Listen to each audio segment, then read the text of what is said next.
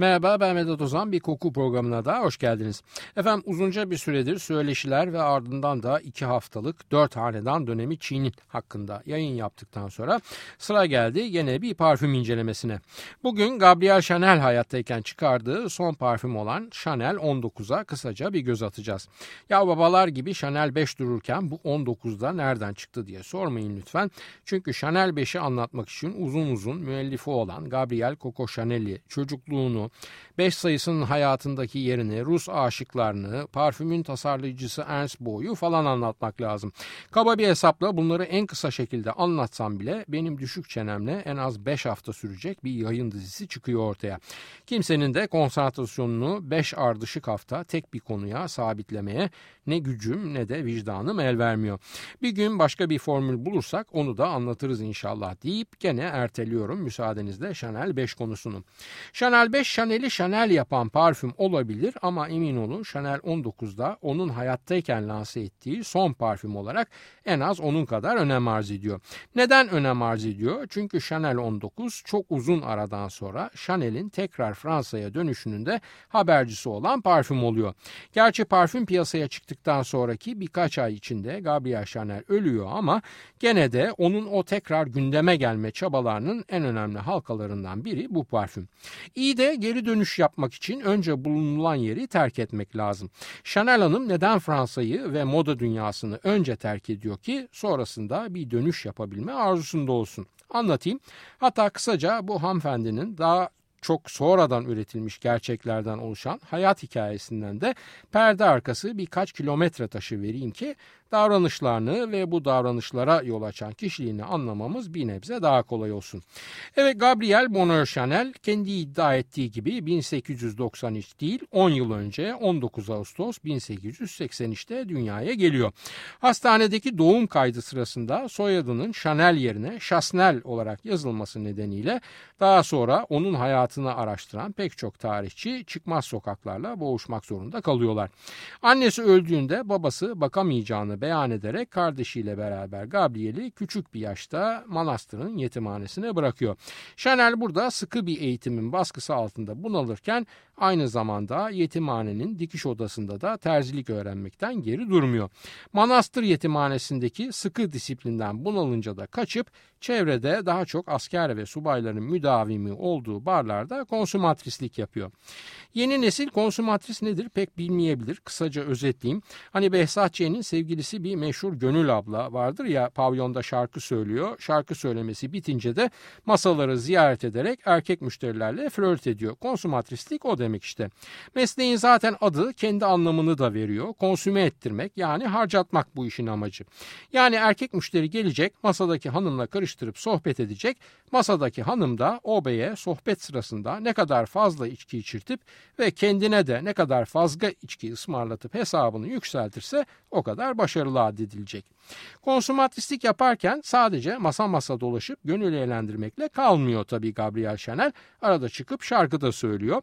Hatta rivayete göre lakabının Coco olmasının sebebi bu dönemde söylediği ve pek alkış aldığı bir şarkının isminden mülhem. Tabii bu lakabın kaynağı konusunda tek söylenti bu değil ve gerek koket kelimesinin kısaltılmışı olmasından sebep Gerekse Chanel'in bayağı sıkı bir kokain tüketicisi olmasından ötürü bu lakabın ona uygun görüldüğü dolaşan diğer rivayetler arasında.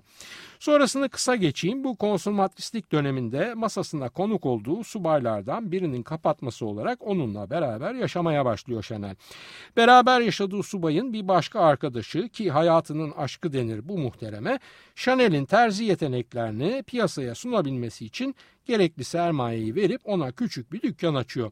O dönem tüm modacılar gibi ilk üretimleri ve meşhur olan ürünleri elbette şapkaları Chanel'in. Ama zaman geçtikçe farklı giysi anlayışıyla diktiği elbiselerde dikkat çekmeye ve farklılık peşinde koşan sosyetenin favorisi olmaya başlıyor. Allah yürü ya kulum diyor sonrasında Chanel Hanım'a ve hatta bir dönem yanında çalışan terzi kızların sayısının 2000'e kadar çıktığı söyleniyor. Halen bir para makinesi olan Chanel Chanel 5 isimli parfümü de kendi adına çıkarmasıyla beraber para muslukları da sonuna kadar açılıyor önünde ve elbise olmazsa parfüm sürekli bir şeyler satarak büyüdükçe büyüyor. Ancak parfüm işi stoklu çalışmak gereken bir iş, bilmek gereken bir iş. Üstelik Chanel 5 gibi içeriğinde Yasemin ve gül gibi kıymetli ham maddeler bulunan bir parfüm yaptıysanız Buna sermaye yetiştirmek pek kolay değil. Ayrıca parfüm pazarlamak elbise satmaktan farklı bir iş ve yeni satış noktalarına üstelik prestijli satış noktalarına ihtiyacınız var. Bu nedenlerle moda evinin hisseleri kendinde kalmak üzere parfüm üzerindeki bütün isim haklarını %10 hisseyi kendinde tutarak Bourjois markalı kozmetik devinin Aynı zamanda da Paris'e yolu düşenlerinizin mutlaka bilebileceği meşhur Galeri Lafayette mağazalarına sahibi olan Wertheimer ailesine devrediyor. Devrediyor ama aklında da sürekli acaba bu adamlar benden ne kaçırıyorlar ve beni nasıl kazıklıyorlar diye huzursuz edici fikirler dolaşıp duruyor. Bu fikir zaten neredeyse ölene kadar hiç aklından çıkmıyor Chanel Hanım'ın. Neyse bu sorunu çözebileceği hissettiği ansa Avrupa üzerinde kala bulutların dolaştığı zamanlar oluyor. Alman orduları Paris'e girdiğinde bazı Fransızlar direniş hareketlerine katılıp ülkelerini işgalcilerden kurtarmak için savaş verirken Chanel'in o taraklarda hiç bezi olmuyor. Bilakis Ritz Oteli'ni sürekli ikametgahı haline getirip üst düzey bir SS subayı ve 13 yaş küçüğü olan Hans Günther von Dinklage ile aşk yaşamaya başlıyor. Von Dinklage'nin Paris'teki görevi nasyonal sosyalist ideoloji için taraftar ve ajanlar bulmak ve yetiştirmek. Chanel de sevgilisinin bu tezgahına uzak kalmıyor ve Alman Ordu İstihbarat Dairesi olan Abwehr'in F-7124 numaralı ajanı olarak işe başlıyor. Sosyal çevresinin ve ününün verdiği değişik ilişkilerinde avantajıyla bazen başka ülkelere gidip oradaki Fransızları Alman casus ağının bir parçası yapmak falan gibi görevler üstleniyor. Hatta savaşın son dönemlerinde Hitler dışında Nazi yöneticilerinin zaferden umudu kesip de müttefiklerle anlaşma yollarına aradıkları dönemde bu Alman yetkililerle eskiden beri dostu olan Winston Churchill arasında iletişimin sağlanması gibi görevler de veriliyor F-71-24 numaralı ajana yani Gabriel Chanel'e. Almanlarla sıkı fıkı olduğu ve Paris'teki en üst düzey Alman istihbaratçısıyla sevgili hayatı yaşadığı bu zamanlarda parfüm işindeki büyük ortağı olan Yahudi Wertheimer ailesinin elindeki hisseleri de geri almak için Alman Yüksek Komutanlığı'na ihbarlarda bulunmaktan geri kalmıyor. Ancak şunu unutuyor ki Wertheimer'lar da kaçın kurası aslında ve gelecek tehlikeyi sezip şirketteki hisselerini sular durulunca geri almak üzere Yahudi olmayan ve saf Aryan tanımına uygun bir tanıdıklarına devretmiş ve geçici ikametgahları olan Amerika Birleşik Devletleri'ne çoktan kapağı atmış durumdalar. Neyse efendim savaş bitiyor. Filmlerde falan görürsünüz hep savaş dönemi işgalcilerle işbirliği yapan veya ilişki yaşayan kadınların saçları sıfır numara tıraş edilip ibreti alem için sokakta dolaştırırlar ki yaptıkları ihanetin bir utanç belgesi olsun bu dazlak kafalı şehir turu diye. Hele ki işbirliği düzeyi Almanlarla aşk ve cinsel ilişki içeriyorsa onlara bir de bunu belirten ve üzerinde Collaboratrice Horizontal yani yatay işbirlikçi yazan bir plaka takılıyor bu sokak gezdirmeleri esnasında. Felaket bir durum yani. Ancak sanmayın ki bu durum işgalci Almanlarla her düşüp kalkanın başına geliyor. Gücü, parası ve ilişkisi olan bu küçük düşürme hadisesinden de sıyırıyor ve kurtuluyor. Demem o ki Chanel'in de etkili dostları devreye giriyorlar. Almanlar Paris'i terk edip müttefik kuvvetler şehrin ve ülkenin yönetimine hakim olunca. Hatta rivayettendir ki söylentiye göre eski dostu Winston Churchill bu işe ön ayak oluyor ve onun sayesinde Chanel Hanım gözaltında sadece iki saat tutulduktan sonra yurttaşları tarafından herhangi bir hakarete maruz kalmadan daha önce İsviçre'ye kaçmış olan sevgilisi Hans Günther von Dinklage'nin yanında alıyor soluğu. Peki neden Churchill böyle bir riske girip tek bir kişi için kendini ortaya koyuyor sizce? Çünkü onun da eli temiz değil ve söylendiğine göre Alman işgali sırasında Fransız topraklarında kalan Windsor dükünün gayrimenkullerine el konulmaması için el altından ve ambargo kurallarına aykırı olarak savaş halinde oldukları Almanlara maddi bir bedel yani rüşvet göndermişliği var. Ve Chanel de bu işlemi gayet yakından biliyor. Açığa çıkması majestelerinin hükümeti açısından hiç de hoş olmayacak bu bilginin ve eskiden gelen dostluğun bedeli olarak da Birleşik Krallık hükümeti müttefik orduları Paris'e girdikten sonra tutuklanan Chanel Hanım'ın hemen serbest bırakılması için Hür Fransız kuvvetlerine baskı yapıyorlar ve Hatun'u iki saat içinde kurtarıyorlar. Chanel yakıyı aşağılanma ve casusluk suçundan yargılanmaktan kurtarıyor ama bu kurtarma onu Fransız kamuoyunun vicdanı önünde aklanmasını sağlamıyor. Yani Fransızlar asla affetmiyorlar Chanel'in yaptıklarını. Bundan sebep zaten tam 10 yıl boyunca ülkesine geri de dönemiyor. Hırslı ve oportunist bir kadın olarak ülkesine dönememek bir yana yeni ortaya çıkan Christian Dior ve onun başlatmış olduğu New Look moda akımı da Chanel'in kıskançlıktan çatlamasına neden oluyor. Altakke Verkülah sonunda ona yardım elini uzatan gene ortağı ve aryanizasyon politikaları sırasında kuyusunu kazmaya çalıştığı Wertheimer ailesi oluyor. Wertheimer'lar Chanel'le aralarındaki anlaşmayı yenileyip moda evini de işin içine katıyorlar. Bunun karşılığında da Chanel kardan pay yerine satıştan pay almak üzere yeni bir anlaşma yapıyor. Eski durumda kendi adını taşıyan parfüm şirketinin %10 ortağı olan Chanel Hanım hem giysi hem de parfüm işindeki bütün hisselerini devredip ortaklıktan tamamen çıkıyor. Karşılığında da Chanel ismi altında satılan her türlü malın %2'sini hayat boyu isim hakkı olarak almaya razı oluyor. Yani ortaklık gitti ama satış olduğu sürece şirketler kar da etse zarar da etse Chanel para alacak. Yeni açılan moda eviyle beraber ilk koleksiyon geliyor ancak Fransız kamuoyu yeni Chanel koleksiyonunu yerden yere vuruyor. Bunun ardında da Alman işbirlikçiliğin insanların aklından hiç çıkmamış olduğu falan söyleniyor. Fransızlar Chanel'i reddediyor ama diğer uluslar için durum böyle değil ve Fransa dışındaki ülkelerde Chanel ürünlerinin satışı hiç de fena olmuyor.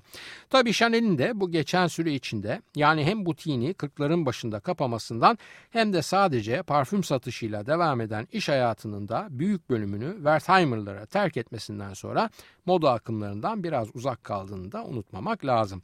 Evet hızlı adımlar atalım zamanda ve biraz daha ileri gidelim. Chanel parfümlerinin yaratıcısı ve Chanel'in baş parfümörü, Chanel 5'in tasarımcısı bildiğiniz gibi Ernst Bo isimli muhterem. Ancak bu muhterem emekli olup köşesine çekilince yerine bir başka yetenek Gras doğumlu ve Shiris firmasında koku dünyasına gözlerini açmış. Sonrasında da François Coty'nin yanında epey bir çalışmış olan Henri Robert geçiyor. Henri Robert'in Chanel parfümleri içindeki hayatının büyük çoğunluğu da şirketin para makinesi olan Chanel 5 için gerekli yüksek kalitede malzemenin peşinde koşmak oluyor. Bu elbette Henri Robert'in küçümsenecek bir parfümör olduğu anlamına gelmiyor. Zira Chanel pour Monsieur gibi klasik olmuş bir Chanel erkek parfümü Robert'in imzasını taşıyor. Ayrıca bir de tartışılmaz uzmanlığı var Monsieur Robert'in. O da ham madde konusundaki becerisi. Yani gül yağının hangisi iyidir, süsen kökü yeterince olgunlaşmış mıdır falan hep bundan soruluyor koku aleminde o zamanlar. Zaten baş parfümör olmasıyla beraber Chanel 5'in imalatının takibi de biraz da bu yeteneğinden dolayı kendisine verilmiş bir görev. Bu malzeme temini için de o zamanlar böyle kurye şirketleri falan pek yaygın değil. Zaten koku dünyasında numuneye pek güvenilmez. Monsieur Robert atlıyor gidiyor o malzemenin kaynağı olan bölgelere ve tek tek eliyle tespit edip malzemenin imalatını bile denetliyor. Burada bir kahve molası verip devamını molanın arkasına bırakalım mı sayın dinleyiciler? Kahvelerimizi yudumlarken de isterseniz Yves Montan'dan dinleyelim. Le Jazz et la Java.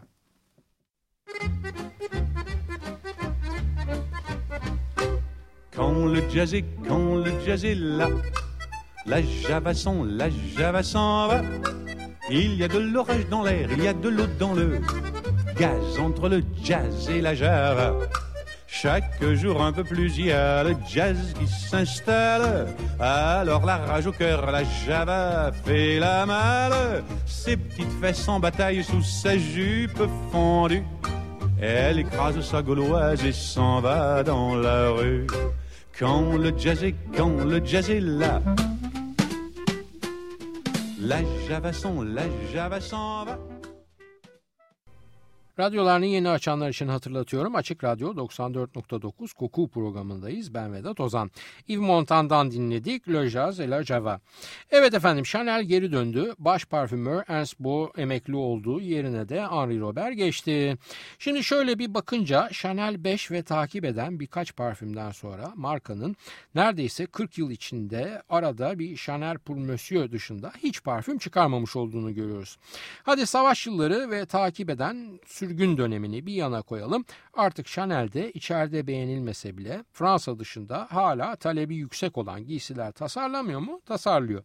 E öyleyse parfüm işini de bir Chanel 5'in boynuna bırakmamak ve yanına en azından bir tane daha parfüm katmak lazım ki yeni gelen nesilde Chanel parfümlerine alışkanlık geliştirsin. 1970 yılında 19 Ağustos'ta koku profili Chanel parfüm evinin baş parfümörü Henri Robert tarafından tasarlanmış olan Chanel No 19 işte biraz da bu nedenle piyasaya çıkarılıyor. İyi de hadi diyelim ki Chanel No 5'in isminin etrafında kendisine sunulan 5. numuneyi seçti falan gibi efsaneler yaratılmış durumda. Peki bu yeni parfüm niye numara 19? Sebep basit ve dikkatli dinleyicilerimiz zaten fark etmişlerdir. Ben ilk bölümde Chanel'in doğum tarihini verirken. Evet Gabriel Bonheur Chanel'in doğum günü 19 Ağustos 1883. Yani doğum gününün tarihini son parfümüne isim yaparak ve arkasından kısa bir süre sonra da hayata gözlerini yumarak Gabriel Chanel hayata karşı son cinsliğini de yapmıştır diyebiliriz bu durumda.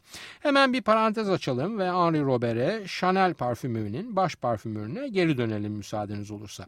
Efendim demiştim bu muhterem ham madde peşinde gezmedik coğrafya bırakmıyor. Gül yağı mı alacak üretildiği her ülke ve tesisi ziyaret edip bizzat imalata tanık olmadan siparişi vermiyor. Bu gezmeler esnasında da elbette pek çok malzeme ile ilgili farklı fikirler ve tasarılar geliştiriyor. Muhteremin aşina olup hoşlandığı malzemelerden biri de galbanum. Biz galbanuma kasnı da diyoruz hatta bazen şeytan tersi de deniyor ama koku dünyasında bu bitkiye neredeyse sadece galbanum dendiğinden ben affınıza sığınarak aynı minvalde devam etmek istiyorum bu isimlendirme konusunda. Evet galbanum yani kasnı sarı çiçekli orta boylu bir bitki. En makbulü İran'da bir kısımda Afganistan'da yetişiyor. Böyle dalını alıp ortadan kestiğinizde veya kırdığınızda ve birbirine sürttüğünüzde zaten süt gibi bir sıvı hemen kendini belli ediveriyor kokusuyla beraber. Galbanum dalları çizildiğinde akmaya başlayan bu sakızımsı sıvıyı alıp da buhar distilasyonuna tabi tuttuğunuzda elinize son derece doğal ve yemyeşil bir kokulu yağ geçiyor. Ferah ve taze yeşil değil ama dolgun ve tok bir yeşil koku demek belki daha doğru olur galbanum yağı için. Tarihin ilk zamanlarından beri tütsülerde falan çokça kullanımı olan bir malzeme aslında ama Batı dünyasında ve hele ki parfüm aleminde tanınır olması Germain Cellier'in Balmain için 1947'de tasarladığı o muhteşem Van Var isimli parfümle oluyor. Yağ aslında karakteristiğini veren moleküller oran olarak çok azına tekabül etmesine rağmen kuvvetli moleküller olduklarından bu az sayıdaki molekülün kokusu galbanum yağının kokusunu domine ediyor diyebiliriz. Mesela kısa adıyla galbanolen bu moleküllerden biri ve yeşil hafif metalimtrak bir kokusu var. Bir diğeri mesela galbanum pirazin ise bezelye kabuğuna benzer ama gene yeşil ve çok az konsantrasyonda bile fark edilen bir koku profiline sahip. Elbette yapay olarak elde edilen galbanum benzeri moleküller de mevcut. Bunların çoğu galbanolen isimli molekülü taklit etmek amacıyla üretilmiş üretilmiş moleküller. Örneğin erkek dinleyicilerimizin tanıyabileceği Dracar Noir, Cool Water veya Egoist Platinum parfümlerinin formülleri içinde yer bulan alil amil glikolat. İşte bizim Henri Robert de Chanel No 19'u tasarlama işi kendine verildiğinde hareket noktası bu galbanum bitkisi oluyor. Galbanumun yanına bergamot ve neroli yerleştirip bir akor üretiyor. Normalde sert bir kokusu olması gereken bu koku akorunu da alıp süsen yani irisle yumuşatıyor. Dipte de sandal ağacı, meşe yosunu, vetive, miskler ve bir tutamcıkta deri akoru ilave ederek benzersiz bir parfüm ortaya çıkarıyor. Neden benzersiz? Çünkü bilirsiniz parfümler ailelere ayrılır. Hani Fougère parfüm ailesi veya Chypre parfüm ailesi gibi. Robert'in tasarladığı bu Chanel No 19'un hangi aileye dahil edileceğine bir türlü karar verilemiyor. Bir kısım uzman bu kesin Fougère bir parfüm derken diğer grup ya ne alakası var kardeşim bal gibi bir Chypre parfüm bu diyor. Tabii ki içerik bu saydıklarımla kalmıyor sadece 19 numarada ve Fransa'ya özgü mayıs gülü ki bu bizim Isparta veya Bulgar gülünden farklı kokan bir güldür. Ayrıca Yasemin bol miktarda Yasemin'in bir versiyonu diyebileceğimiz ve o Sauvage isimde efsane olan metil dihidroyasmonat veya piyasadaki adıyla Hedion isimli yapay molekül az biraz da müge havası vermek için Nirial, Chanel 19'un diğer önemli içerik maddeleri oluyorlar. Parfüme hafif odunsu havayı verense formülün içinde %12 gibi yüksek bir oranda kullanılan Vertofix isimli molekül. Ticari ismi olan Vertofix'i bir yana bırakırsak doğru adıyla metil sedril keton olan bu molekül o zaman için Firmenich firmasının piyasaya yeni sürdüğü ve odunsu amberimsi kokusuyla o zamandan beri hala bugün dahi çok büyük rağbet gören bir koku ham maddesi. Parfüme genel karakteri veren az önce dediğim gibi galbanum ve galbanumun da içinde yer aldığı iskelet akorunu yumuşatmak için kullanılan iris yani süsen. Süsen ilginç bir bitki, lale veya orkide gibi yumrulu ve yani soğanlı ve kullanılabilecek kokulu sıvı da zaten sanıldığı gibi çiçeğinden değil bu soğan kısmından üretiliyor. Ancak öyle pat diye üretilebilen bir şey de değil ve iyi kalitede bir iris kökü yağını sahip olabilmeniz için en az 4 yıl dinlendirilmiş süsen yumrularına ihtiyacınız var. Yani önce kök yumruyu matüre ediyorsunuz. 4 sene sonra da yağını elde edip bu sefer onun olgunlaşmasını bekliyorsunuz. Bugün için akıl kârı bir iş değil çünkü 3 gram esans için kimse 4-5 senesini ve bu senelerin getirdiği finansman maliyetinin riskini almıyor. Neyse işte Robert'in malzeme seçimindeki ustalık da biraz burada kendini belli ediyor zaten.